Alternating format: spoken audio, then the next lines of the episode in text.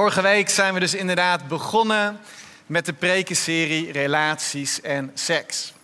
En de eerste preek hebben we gezien vanuit de oorsprong hoe God, schepper God, ja, eh, relaties en seks heeft bedoeld. Maar vanaf vandaag willen we wat meer gaan inzoomen op specifieke onderwerpen rondom dit thema. Daarmee worden we ook gelijk wat kwetsbaarder. Maar we willen dingen ook gewoon bij de naam noemen. Omdat we weten dat het ons allemaal helpt. En vandaag mag ik met jullie stilstaan bij de vraag: is het goed om alleen te zijn? Het gevaar is dat nu meteen al een deel van de zaal afhaakt. En misschien ben je zelfs wel thuis gebleven en kijk je nu online terug omdat iemand je dat heeft aangeraden. Maar dacht je bij het zien van het thema, dit is niet voor mij.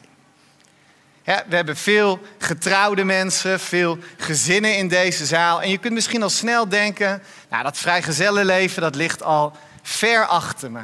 Deze preek is niet voor mij bestemd. Maar een andere deel van de zaal, namelijk de singles, die kunnen zich ook ongemakkelijk voelen bij dit thema, bij dit onderwerp. Misschien wel bij deze hele prekenserie. Want het legt zo de nadruk op wat op dit moment niet is in jouw leven. En als we dan samen gaan praten over singleness, als we samen gaan hebben over alleengaand door het leven gaan, dan kan je zomaar daarin onder een vergrootglas komen te liggen. En het idee hebben dat iedereen je bij een thema als deze aankijkt. En misschien denk je dan ook wel, wat doe ik hier in deze zaal? Maar of je nu getrouwd bent, of juist alleen, of iets daartussenin. De vraag naar alleen zijn heeft betrekking op ons allemaal. Wie jij bent, los van anderen. Wie jij bent, zelfs los van je partner, van je man of je vrouw, heeft namelijk alles te maken met wie jij bent samen. Je neemt ik mee in wij. Dus wat je situatie ook is, ik hoop dat je ontvankelijk deze preek ingaat. En dat je benieuwd bent wat God deze dag specifiek tot jou wil spreken. je hoeft niet te luisteren wat dit voor een ander kan betekenen, maar juist ook wat wil God tegen mij zeggen. Als we samen de vraag onderzoeken, is het goed om alleen te zijn? En het antwoord op deze vraag, die lijkt bijbels gezien misschien heel simpel te beantwoorden. We hebben het er vorige week nog samen over gehad vanuit Genesis 2. Als God Adam heeft geschapen in het begin van alles en hij ziet dat alles goed is wat hij gemaakt heeft, dan zegt hij over Adam, dan zegt hij over de mens in vers 18, het is niet goed dat de mens alleen is. De mens blijkt niet alleen veel gelukkiger te zijn samen, maar de man alleen die laat ook maar de helft van het wezen van God zien. Hij weerspiegelt maar de helft van het wezen van God. Want God, de schepper, maakte ons mannelijk en vrouwelijk. En God zei dat daarin zijn evenbeeld zichtbaar wordt. De man alleen, de vrouw alleen, laat maar ten dele zien wie God is. Maar hij wordt zo mooi zichtbaar in de eenheid. Als man en vrouw samenkomen. Dus nee, zegt het woord van God. Het is niet goed om alleen te zijn. Maar in het Nieuwe Testament klinkt een heel ander geluid. Een hoofdstuk waar volgens mij niet heel vaak uit gepreekt wordt. Maar ik wil het vandaag met jullie wel doen vanuit 1 Corinthiërs 7. De versen 29 tot en met 40. Dus als je je Bijbel bij je hebt, pak het erbij. Hou het erbij de preekbaar, zodat je ook kunt zien wat ik aan het uitleggen ben. 1 Corinthiërs 7, vers 29.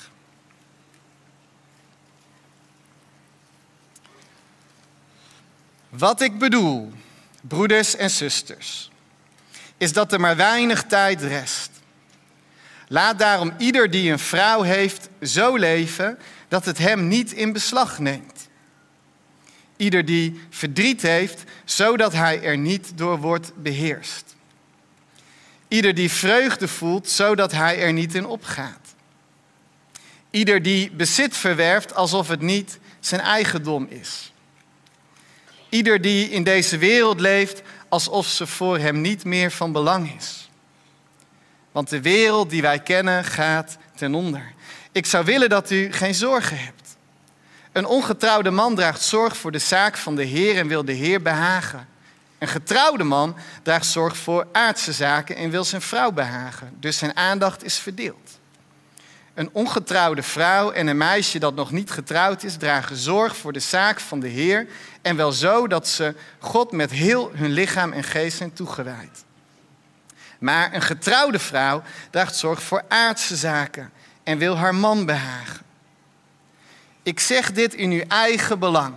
Niet om u aan banden te leggen, maar om u tot onberispelijk gedrag en onverminderde toewijding aan de Heer te brengen. Maar wanneer iemand bang is zich tegenover zijn toekomstige vrouw te misdragen, omdat zijn verlangen naar haar te groot wordt, laat hij dan gevolg geven aan zijn wens met haar te trouwen. Dat dient dan te gebeuren. Het is geen zonde. Iemand echter die uit overtuiging, dus zonder dwang en uit vrije wil, heeft besloten, voor zichzelf besloten heeft niet met haar te trouwen, handelt uitstekend. Dus iemand die met haar trouwt, handelt goed, maar iemand die niet met haar trouwt, handelt beter. Een vrouw is gebonden aan haar man zolang hij leeft. Maar wanneer hij gestorven is, is ze vrij om te trouwen met wie ze wil, mits het een huwelijk is in verbondenheid met de Heer. Maar ze is gelukkiger wanneer ze ongetrouwd blijft. Dat is althans mijn mening en ik meen dat ook ik de geest van God bezit. God zegt in Genesis 2: Het is niet goed dat de mens alleen is. En dan zegt Paulus hier in 1 Corinthians 7, ieder die trouwt handelt goed, maar iemand die niet trouwt en alleen blijft, die handelt beter. Eigenlijk lijken deze versen in contrast te staan met Genesis 2. De Bijbel lijkt zichzelf tegen te spreken. Wat is nu waar? Nou, ik loop al een tijdje mee in het christelijke leven en ik heb ook al veel verschillende visies gehoord op dit contrast, op dit ogenschijnlijke probleem. Veel flauwe oplossingen als je het mij vraagt. sommigen zeggen in 1 Corinthians 7 spreekt Paulus en niet God. Dus dat hoef je niet al te serieus te nemen. Oké, als je zo de Bijbel gaat lezen, dan uh, wordt het erg ingewikkeld. Of ook een mooie. Anderen zeggen, een celibatair leven is een gave van God. En ik heb die gave niet gekregen, dus ik hoef niks met deze tekst. Ja, we wringen ons in allerlei rare bochten om de Bijbel voor onszelf maar zo kloppend mogelijk te maken. Maar als dit is hoe je de Bijbel leest, wat, wat mis je dan veel van de schoonheid en van de rijkdom van het woord? Er is zoveel meer over te zeggen dan dit.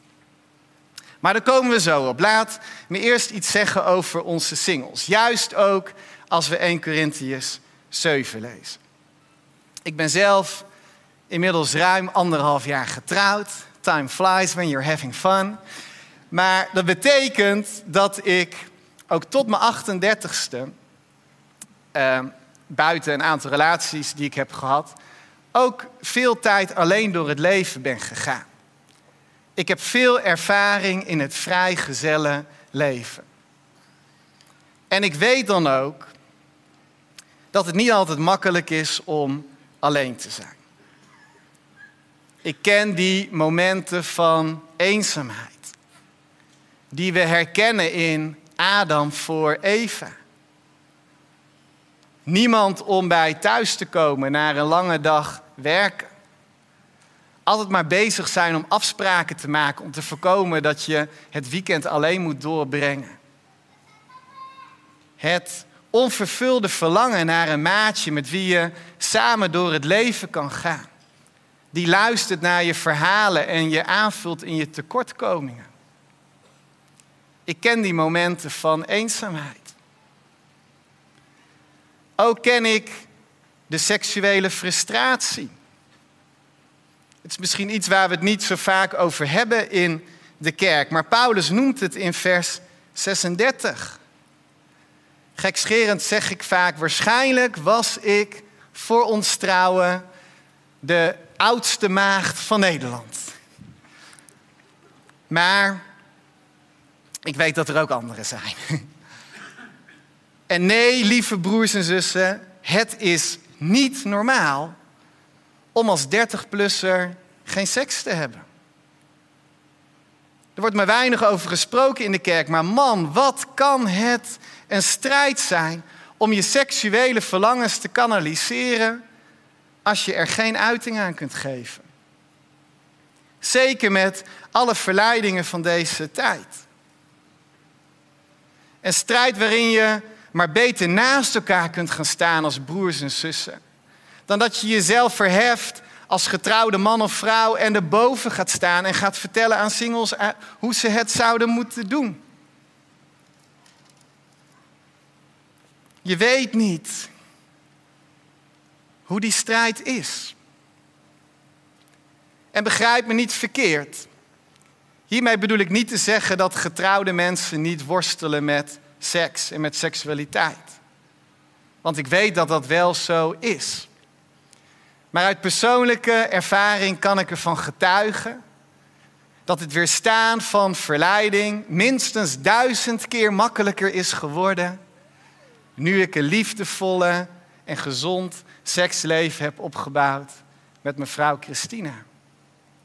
Maar oh, wat weet ik wat het is om die seksuele frustratie te voelen in je lijf als je daar geen uiting aan kan geven. En ook ken ik de druk van mijn omgeving, de druk van christenen, met name ook de druk van evangelische christenen, om te trouwen.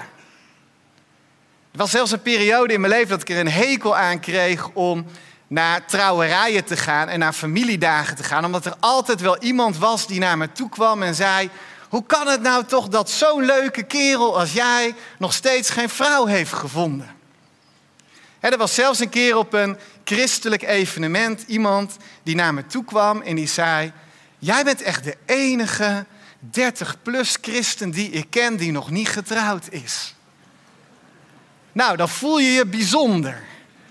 Maar niet op een positieve manier. Nee, het is niet altijd makkelijk om alleen door het leven te gaan. Het idee kan ontstaan dat er iets in je leven mist. Dat je niet compleet bent. Misschien zelfs wel dat je zielig bent. Maar niets is minder waar.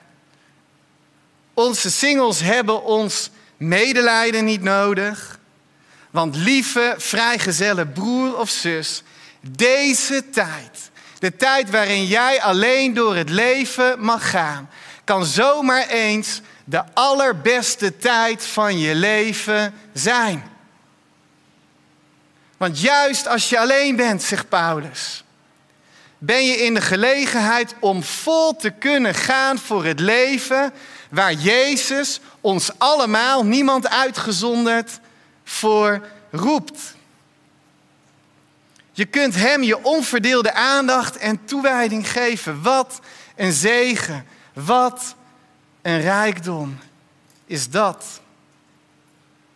Zonder met iemand rekening te houden, kon ik de hele wereld overvliegen. Om mensen over Jezus te vertellen, om recht te brengen op plekken waar onrecht is, om zelf gevormd te worden in mijn visie op God, op de wereld en, en op mezelf. Ieder jaar kon ik me inspannen voor kampen, voor weekenden, voor weken waarin ik tieners en jongeren in verbinding mocht brengen met Jezus Christus zelf. Iedere avond van de week kon ik me inzetten voor de kerk in vergaderingen, activiteiten, in, in allerlei programma's, zonder dat ik met iemand anders rekening hoefde te houden. Er was niemand met wie ik hoefde te overleggen. Niemand aan wie ik verantwoording hoefde af te leggen. Niemand die last had van mijn levensstijl en de keuzes die ik maakte vanuit mijn toewijding naar Jezus. En ondanks dat ik nu getrouwd ben met de mooiste vrouw die er is, die, die volledig achter me staat in de bediening die God me gegeven heeft en me ook nog steeds stimuleert om erop uit te gaan. Zelfs als ze dat niet altijd leuk vindt, is mijn leven sinds mijn trouwen toch wel echt anders geworden. Er zijn dingen die ik nu niet meer doe. En ik overleg eerst voordat ik ga. En samen waken we over een goede balans in onze agenda's als het gaat om bediening, om tijd met vrienden en om tijd met elkaar. Onze wekelijk, wekelijkse date night is heilig voor ons. Daar komt niemand aan. Er zijn dingen veranderd. En zelfs onze persoonlijke tijd met Jezus is anders geworden.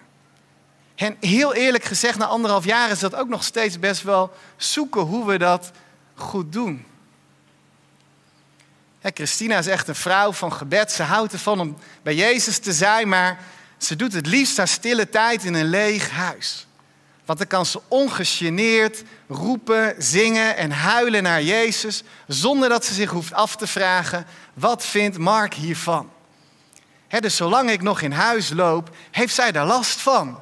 Blij als ik eindelijk naar mijn kantoor ga hier in de kerk, want dan kan ze losgaan met Jezus. Het is anders geworden. Het is zoeken. De tijd van onverdeelde aandacht en toewijding aan Jezus is veranderd. Onze aandacht en toewijding is nu ook gericht op elkaar. Dat is geen zwaar offer om te brengen, want we houden van elkaar, we, we doen dat graag, maar we kijken ook beide met grote dankbaarheid terug op het leven wat we hiervoor hadden. De tijd dat onze enige prioriteit, onze enige verantwoordelijkheid Jezus zelf was. Een tijd die we nooit hadden willen missen. De singles. Laat je nooit door iemand wijs maken dat je incompleet bent. Of dat je zielig bent. Jij bent prachtig.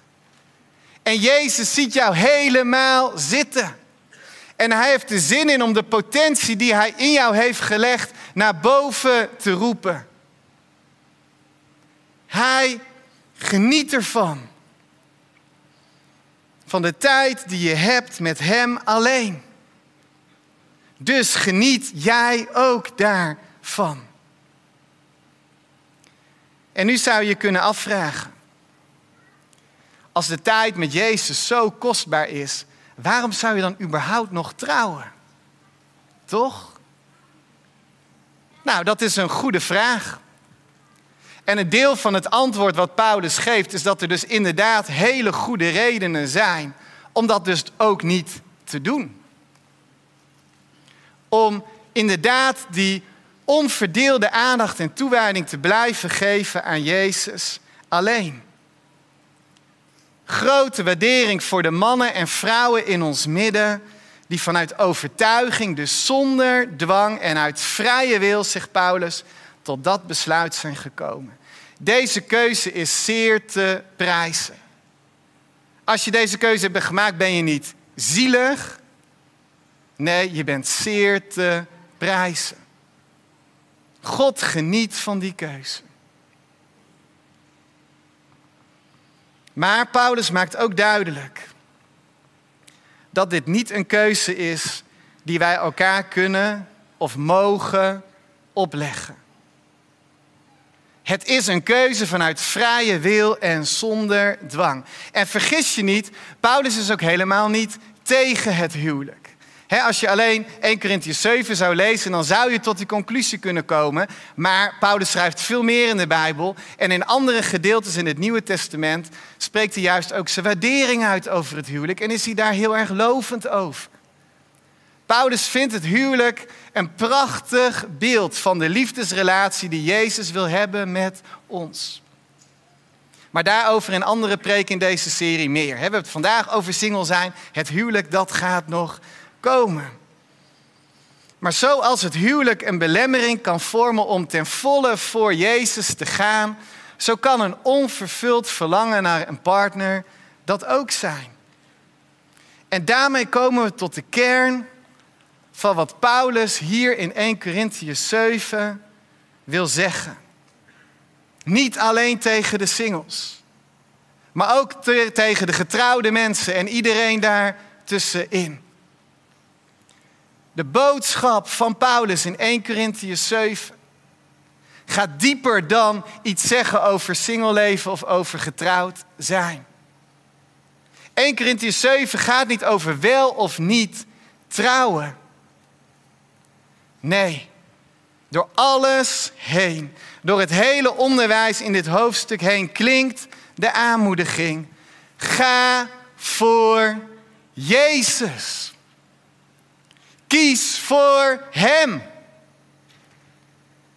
Heb Hem lief met heel je hart, heel je ziel en al je verstand. Zet Hem op de eerste plek van je leven. Het gaat om Hem en om Hem alleen. Dat is de boodschap. Ja, God heeft ons in Genesis 2 het prachtige geschenk van het huwelijk gegeven. En de woorden van Paulus in 1 Corinthians 7 vormen de prachtige, hartstochtelijke reactie van een toegewijde en geestvervulde christen die daarop zegt: Dank u Heer. Dank u voor het prachtige geschenk van het huwelijk. Maar meer dan wat dan ook. En meer dan mijn verlangen naar een partner. Verlangt mijn hart naar u. Alles wat ik zoek in dit leven, vind ik in u en in u alleen. 1 Corinthians 7 gaat niet in tegen Genesis 2. Nee, het is een reactie van een christen die volledig is toegewijd aan Jezus Christus zelf. Jezus komt eerst. Hij komt altijd eerst. Het is eerst altijd Jezus. En als Jezus je enige verantwoordelijkheid is, dan kun je daar volledig in geven. Maar ook als je een man of een vrouw hebt of kinderen, een gezin, is het nog steeds eerst Jezus. En dan pas je geliefde. Dat is de juiste volgorde. Het is te prijzen als iemand er bewust voor kiest om alleen door het leven te gaan vanuit zijn of haar toewijding aan Jezus Christus. Om zijn of haar leven op die manier aan Hem toe te vertrouwen. Maar tegelijkertijd is er niemand meer klaar voor het huwelijk dan een man of een vrouw, dan een christen die geleerd heeft in zijn leven om Jezus op de eerste plek te zetten. Als Jezus je alles is, als Hij je zekerheid is, als Hij je geluk is, als Hij je identiteit is, dan hoef je al die dingen dus ook niet meer te zoeken in een partner. En in plaats van dat je dan nog gericht hoeft te zijn in een huwelijk of in een relatie op wat de ander jou kan bieden, of wat je voor jezelf uit deze relatie kunt halen, wordt je huwelijk dan een plek waarvan uit je vanuit heelheid in Christus juist kan zoeken naar wat je kan geven. En wat je aan de ander te bieden hebt. Brian Houston, de senior pastor van Hillsong, zei eens op een conferentie die ik bezocht. Ben jij op zoek naar de perfecte vrouw? Zorg er dan voor dat jij de perfecte man wordt. Want anders ziet ze je niet eens staan als ze voorbij loopt. En zal ze doorlopen als je haar eindelijk na al die tijd ontmoet. Word die perfecte man, word die perfecte vrouw. En hoe word je dat? Aan de voeten van Jezus. Op de plek waar je erkent dat Hij boven al het andere staat. Wat een zegen voor jouw toekomstige man of vrouw is het om jou te ontmoeten. Op het moment dat jouw toewijding naar Jezus het allergrootst is. En wat was het het wachten waard? Als je iemand vindt die op dezelfde manier gewacht heeft op jou. Jezus eerst. Het doet ertoe hoe we onze tijd spenderen als we alleen zijn. En dat stopt niet als je getrouwd bent. Nee, misschien wordt het dan nog wel belangrijker. Paulus waarschuwt er dan dus ook voor. Getrouwde mannen en vrouwen, om je niet te veel, om niet te veel in je huwelijk op te gaan. Dat klinkt misschien heel raar in je oren, maar daar begint hij mee in die versen 29, 30, 31. Ga daar niet te veel in op. Vervang je relatie met Jezus niet met de relatie met je man of vrouw. Nee, bouw in je leven een ritme van alleen zijn met Jezus. Van tijd doorbrengen met vrienden van je eigen geslacht. Van activiteiten ondernemen die, die jou opbouwen en jou energie geven en jou dichter brengen bij Jezus, ook los van je partner. Wil jij een betere partner zijn voor jouw man of je vrouw in je huwelijk? Word dan goed in single zijn. Word dan goed in alleen zijn. Word dan goed zijn in, in, in los van je partner zijn. Om zo op de plek te komen waar je jezelf verliest en vindt in Jezus Christus alleen. Een betere partner kan jouw geliefde zich niet wensen. Dus ja, of je nu single bent, of getrouwd, of iets ertussenin. Het is goed om alleen te zijn. Want het gaat allereerst en bovenal om Jezus alleen. Amen. Zullen we samen gaan staan en gaan bidden?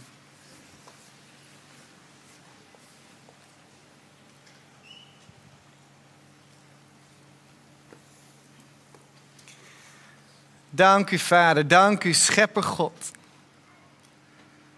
Voor het cadeau, voor het geschenk van relaties, van het huwelijk, van seksualiteit. Dank u wel dat u in al uw liefde en u al uw almacht zag dat het voor ons niet goed was om alleen te zijn. Maar dank u wel ook voor de aansporing en de aanmoediging die vandaag zo krachtig klinkt door uw woord. Dat we mogen reageren op dat geschenk. Vanuit toewijding en vervuld met de geest. Jezus, u bent genoeg voor mij. Jezus, u komt eerst. Jezus, u bent belangrijker voor mij dan wie of wat dan ook in mijn leven. En ik wil mijn leven toewijden. Ik wil mijn leven inzetten voor de dingen die u belangrijk vindt. Ik wil me vastgrijpen aan u en ik wil u kennen. Al het andere kan ik beschouwen als waardeloos in vergelijking tot het kennen van U. U bent mijn hartsverlangen. U bent de passie van mijn leven. U bent mijn allergrootste liefde. Heer, en ik dank u voor onze singles. Dank u voor de singles in ons midden. Ik dank u voor deze prachtige mannen en vrouwen. Die niet zielig zijn, maar juist zo krachtig deze periode van hun leven mogen doorgaan. Heer, u kent ze. U kent de mannen en vrouwen die heel bewust hebben gekozen om alleen te blijven. En ik bid dat u ze krachtig bijstaat in hun worstelingen. En dat deze tijd een kostbare en waardevolle tijd mag zijn in het kennen van u. Heer, ik bid dat ze voor mogen gaan, ook in deze gemeente, als voorbeelden van mensen die zichzelf hebben verloren en gevonden in U. Heer, maar we bidden ook voor de singles in ons midden die het moeilijk vinden om alleen te zijn. En die zo'n sterk onvervuld verlangen hebben naar een partner. Heer, ik bid dat u deze tijd gebruikt om ze klaar te maken, om ze te vormen, om, om daadwerkelijk die eerste plek in in hun leven in te nemen.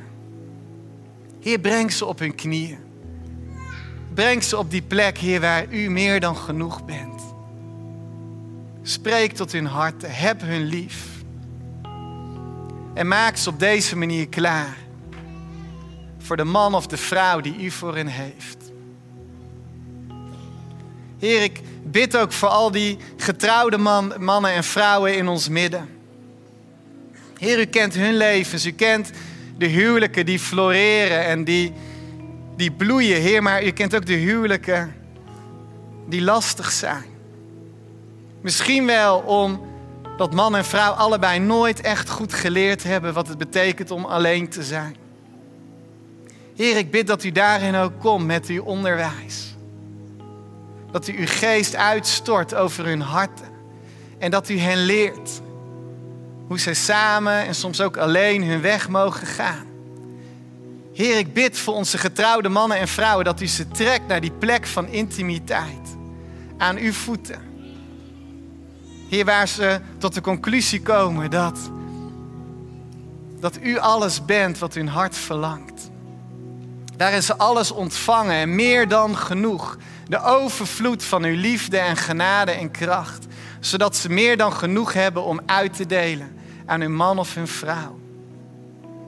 Heer, leer ons hoe we in ons huwelijk kunnen staan, niet gericht op onszelf en wat wij eruit kunnen halen, maar gericht op het geven van uw overvloed aan de ander. Leer ons om goed te worden, ook in onze huwelijken, in het alleen zijn. Heer, u kent onze levens, u kent onze situaties. U weet wat we nodig hebben.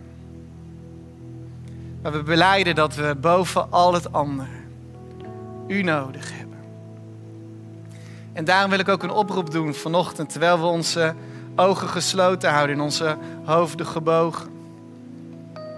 Want misschien ben je juist wel in deze diensten achtergekomen. Als single of als getrouwde man of vrouw of in een relatie.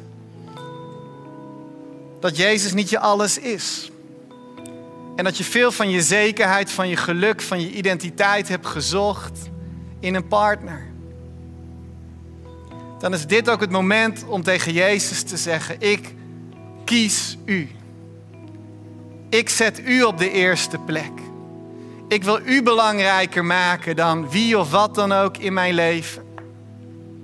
Ik kies er vandaag voor om mijn man of mijn vrouw of mijn vriend of mijn vriendin of mijn toekomstige man of vrouw naast me neer te leggen en u daarboven te plaatsen.